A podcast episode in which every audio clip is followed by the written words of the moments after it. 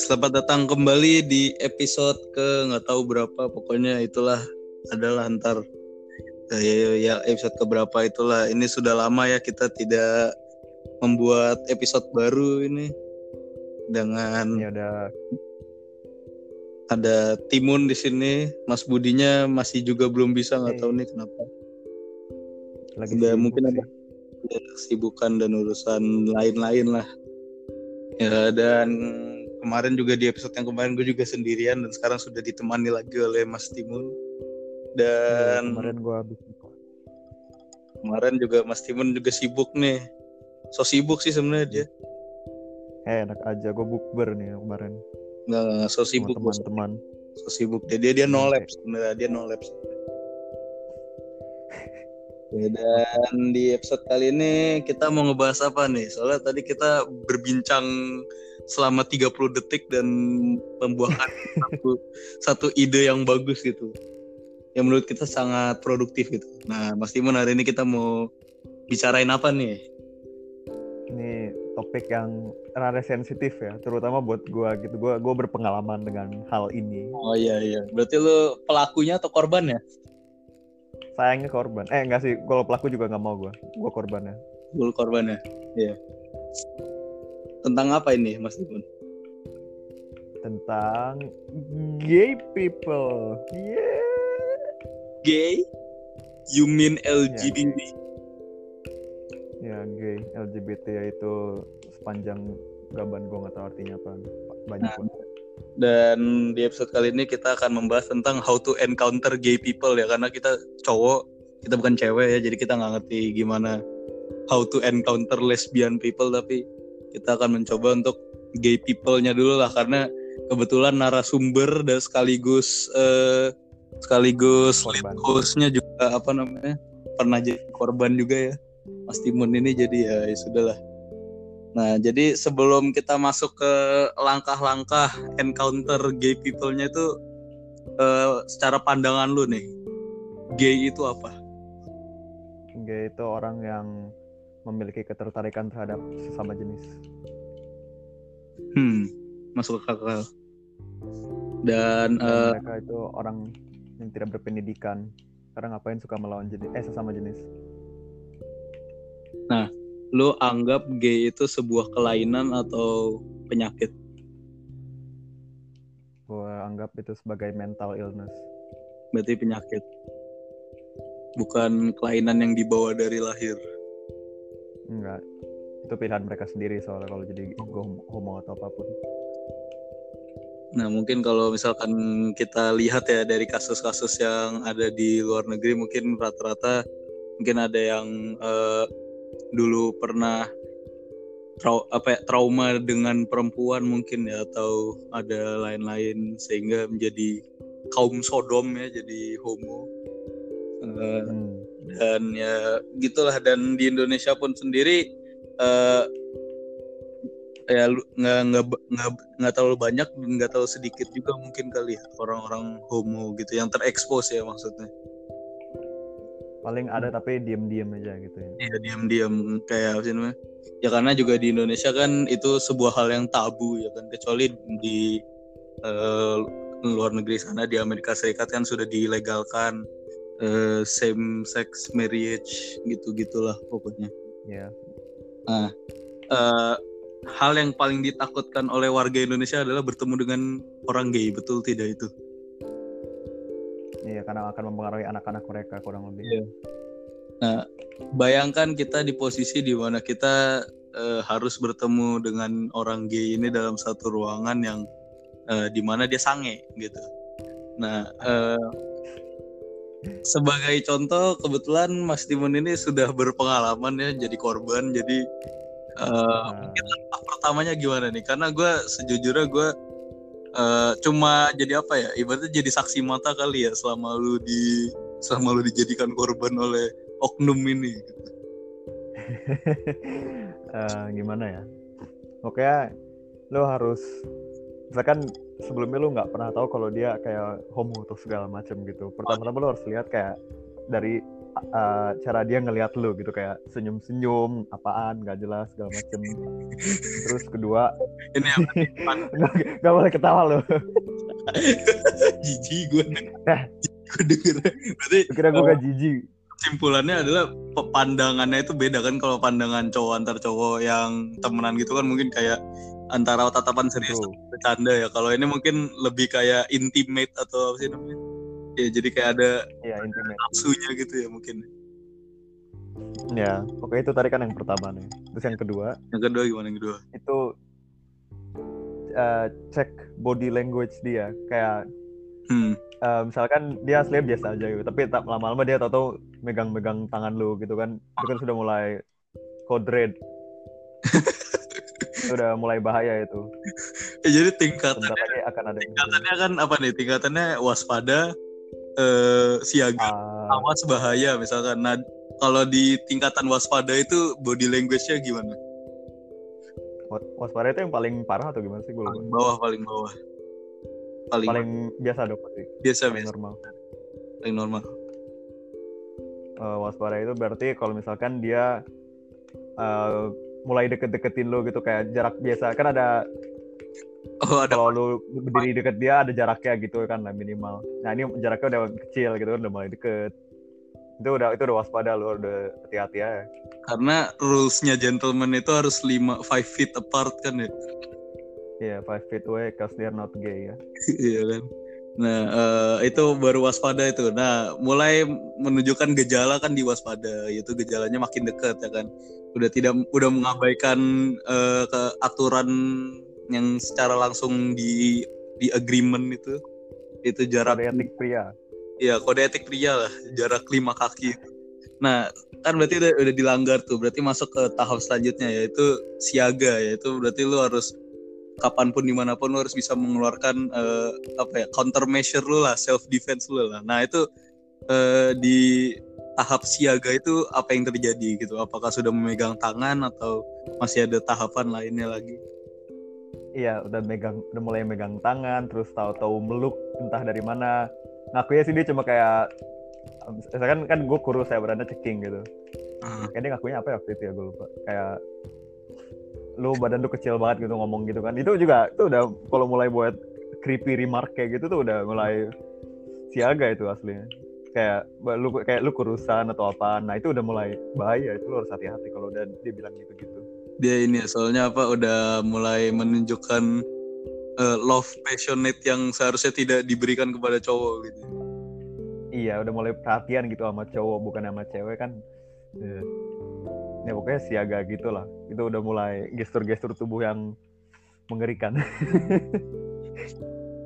Nah, berarti itu tahap siaga. Nah, ini kita lanjut lagi ke tahap yang paling berbahaya yaitu awas. Nah, itu udah apa ya? Udah ibaratnya kedua dari tahap paling berbahayanya. Nah, di awas itu apakah mungkin sudah menyatakan perasaan bahwa dia gay dan lain-lain atau gimana? Atau sudah Iya. sodom-sodom kah?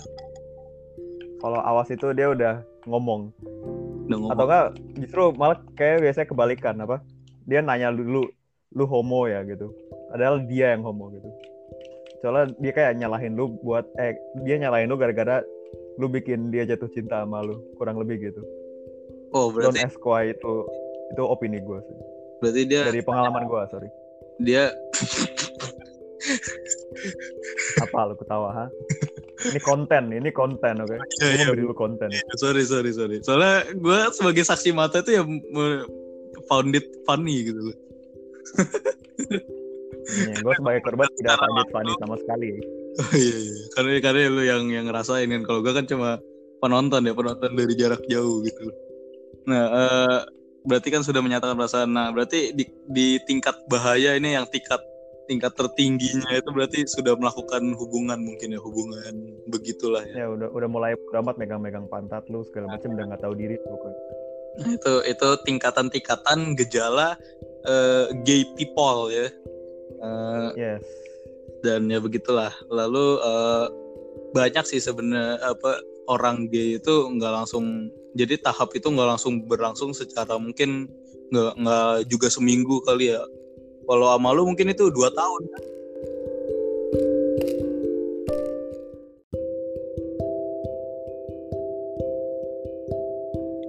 Nah, tadi sampai man, tadi uh, ada masalah teknis ya, mohon maaf gitu.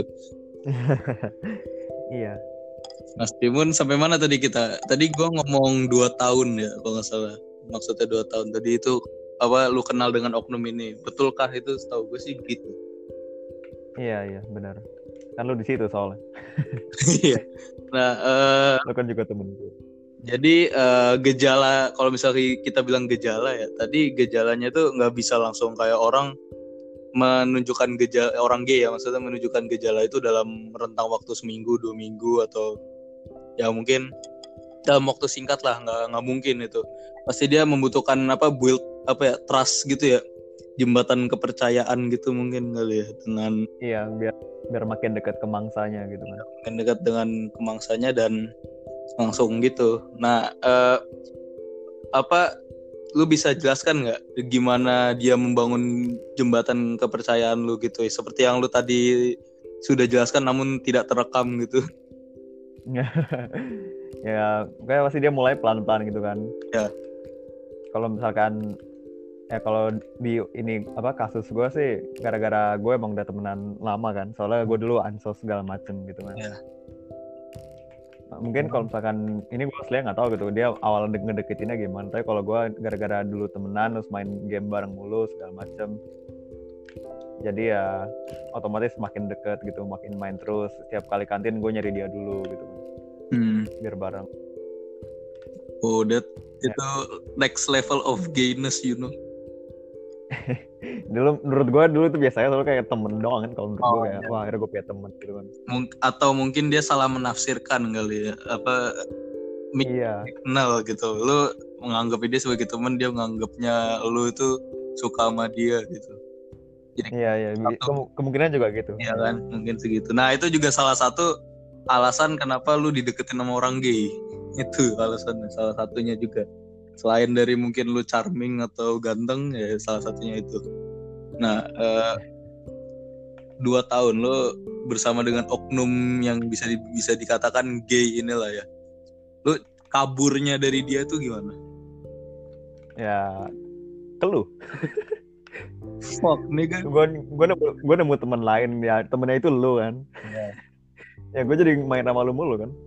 Gue tinggalin pelan pelan tapi apakah dia masih mengejar atau uh, melakukan manuver-manuver gila seperti ya begitu yang melakukan hal yang sudah di luar nalar atau tidak wajar gitu? Atau ya dia melepaskan saja gitu? Ngakunya sih enggak gitu. Eh ngaku sih udah lepas gitu kan ya. Uh. tapi masih ngajak chattingan gue kan ya. Gue gue trauma nih sama orang homo. Jadi gue udah nggak mau nyentuh lagi sayangnya. Kayak gue gue orangnya pemaaf. Tapi not like this. Nah jadi uh, sejujurnya ya gue karena dengan temanan dengan Mas Timun ini gue juga ter, ter apa ya, terkena imbasnya namun tidak seperti Mas Timun ini. Karena Mas Timun ini sudah kronis gitu. Ibaratnya kalau kanker tuh udah stadium tinggi lah gitu Nah, kita paling ya uh, karena mungkin dia dijauhi sama Mas Timun ini oknumnya jadi ngerembet ke temennya nanya-nanya gitu ya mungkin. Nah itu salah satu uh, indikator uh, gay gay gay ya gitulah homo gitu. Makanya hmm. itu pentingnya kalian memasang gay radar ya atau gaydar. Gaydar. ya, dan pencegahannya nih. Nah, lu karena lu sudah per, berpengalaman, maksudnya berpengalaman jadi korban ya. Sudah hmm. pernah jadi korban, sudah mengetahui seluk-beluknya orang gay itu. Menurut lu langkah tempat mencegah dari lu encounter gay people tuh gimana? Hmm, gimana ya? Kan gue juga nggak mungkin tahu dari awal kalau dia itu gay kan. Iya. Yeah. Ya misalkan lu punya temen nih udah temenannya lumayan lama lah. Iya. Yeah.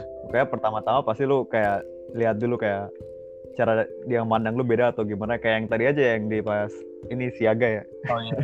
Iya iya. Langkah siaga gitu kan. Kayak dia udah makin deket sama lu kayak megang-megang atau apa segala macem. Atau kalau misalkan mungkin udah gitu kan ya. Kan lu juga nggak bisa belatan kan bilang lu homo ya. Kan kalau gitu mah nggak enak banget. Oh iya. Itu kayak lu nanya pelan-pelan. ya hmm, nanya pelan-pelan kayak lu tanya lu suka cewek sama cewek enggak siapa gitu misalkan misalkan lu tanya dia punya mantan atau enggak pengalaman sama cewek gimana Nah. dari itu lu bisa dapet info gitu Hmm. tentang sexual life-nya dia walaupun menurut lu pasti gak penting tapi ya Iya. just in case gitu kan daripada kayak gue Karena itu eh, menurut gue gimana ya? Kita kan sebagai orang yang tinggal di budaya timur ya, yang di mana eh apa ya orang gay itu tidak mendapatkan tempat gitu di kultur budaya ini kecuali kayak di budaya barat ya karena kalau di budaya barat orang gay bisa berdampingan dengan orang normal gitu tanpa kayak lu was-was gitu loh dengan orang gay. Kenapa? Karena orang gaynya pun otaknya sudah terbuka gitu open minded gitu. Karena ya nggak semua cowok di dunia ini gay gitu. Kalau di let's say di kultur kita di budaya kita kan kalau dia gay ya dia mau melampiaskannya ke siapa ya? Mau nggak mau dia menganggap semua orang semua cowok itu gay kan. Jadi korbannya seperti Mas Timun inilah gitu. iya korban gaynya gaynya ini. Kayak ditekan banget ya gay-nya itu. Ya ya kita kan sebagai aktivis ya aktivis pengangguran ya yang tidak pernah dibayar siapa pun kecuali kalau ada yang mau donasi bisa bisa lapor bisa eh, email ke kita ya at thepengangguran at gmail.com eh thepengangguran at gmail.com di situ kita kasih rincian harga donasinya selalu aja. Donasi rinci Iya, nggak apa dong biar kita dapat duit. Nah, eh, sebagai aktivis eh, kultur timur ya yang di mana kalau di agama Islam itu orang homo apa namanya masuk neraka ya kalau bisa dibilang ya. Ya masuk neraka pasti Iya. banget Karena ya sebenarnya itu ya un- oke untuk kesehatan kan tidak baik ya kan. Lu Iya. sodomi sodomi masukin titik ke pantat itu kan nggak baik kan. Banyak bakteri dan lain-lain gitu dan juga ya jijik gitu. ya kan? ngomongin aja deh Jinji ngomongin aja udah jijik gitu apalagi melakukannya gitu dan ya hindarilah nggak maksudnya kita bilang jangan hindari orangnya karena itu salah satu termasuk salah satu bullying juga kan. Tapi ya Hmm. eh apa ya naungi dengan baik mungkin kali ya. Ya lu berikan arahan yang tepat bahwa ya itu sal apa nggak salah sih bisa dibilang ya apa ya kalau bahwa itu lu bisa membenarkan lah bisa meluruskan lah gitu. Karena ya orang gay pun di luar negeri sana pun setuju bahwa yang normal tuh straight. Kalau mereka gay gitu kan itu berarti mereka setuju bahwa oh apa yang gak gay itu berarti lurus gitu atau eh, kehidupan seksual mereka lurus nggak kayak mereka yang menyimpang menyimpang gitu. Karena menyimpang itu kan konotasinya negatif begitu nah jadi lu berikanlah arahan gitu bahwa lu harus hidup lurus gitu. Jangan kayak Mas Timun ini ya yang sudah terkena sodomi ini kan Eh, gua nggak kenal dominya ya tapi cuma tapi kamar ya. mandi bareng kan ya nggak nggak terjadi apa-apa Oh, untungnya iya. gue cuma kena confession dia bilang suka sama gue aja dan gue panik gitu kan karena gue sebagai teman yang concern ya gue pernah melakukan aksi preventif jadi gue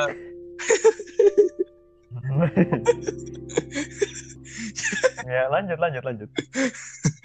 Gue nggak tahu ini appropriate untuk diomongin atau enggak karena jujur gue di podcast baru gue hobi kui jangan lupa di follow ya di Spotify. Itu gue ngomongin sesu- sesuatu yang kalau bisa dibilang apa ya sensitif mungkin ya atau apa sih. Itu di taken down sama Spotify jadi gue harus ngedit Demi lagi. iya. Sumpah di taken down. Baru tayang sehari udah di taken down gue bingung akhirnya gue nggak bisa ngomong gini. Tapi ya gue mengambil langkah preventif karena gue takut karena gue nggak tahu kan. Itu sebenarnya gue kira Mas Timun ini juga saling saling saling ena lah gitu saling ena-ena juga lah.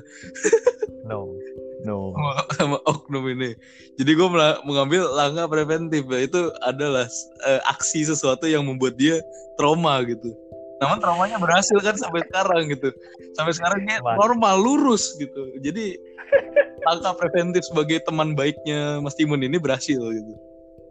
Ya sama lu kalau misalkan udah kayak gue gitu udah kena Hmm. lu cari teman kayak Mas Ahmad.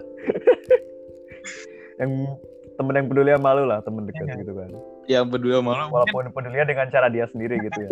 Iya semua semua orang punya caranya sendiri tuh. Kalau gue caranya ya gak gue nggak bisa cara lembut harus cara keras harus melakukan sesuatu yang membuat dia trauma gitu.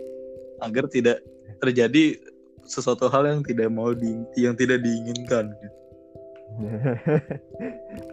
ya mungkin kalau teman lu kalau misalkan lu bertemu teman baru mungkin diajak main gitu atau apa yang membuat lu teralihkan dari oknum si oknum ini si pelaku yang mencoba melakukan hal gay ke lu gitu Iya.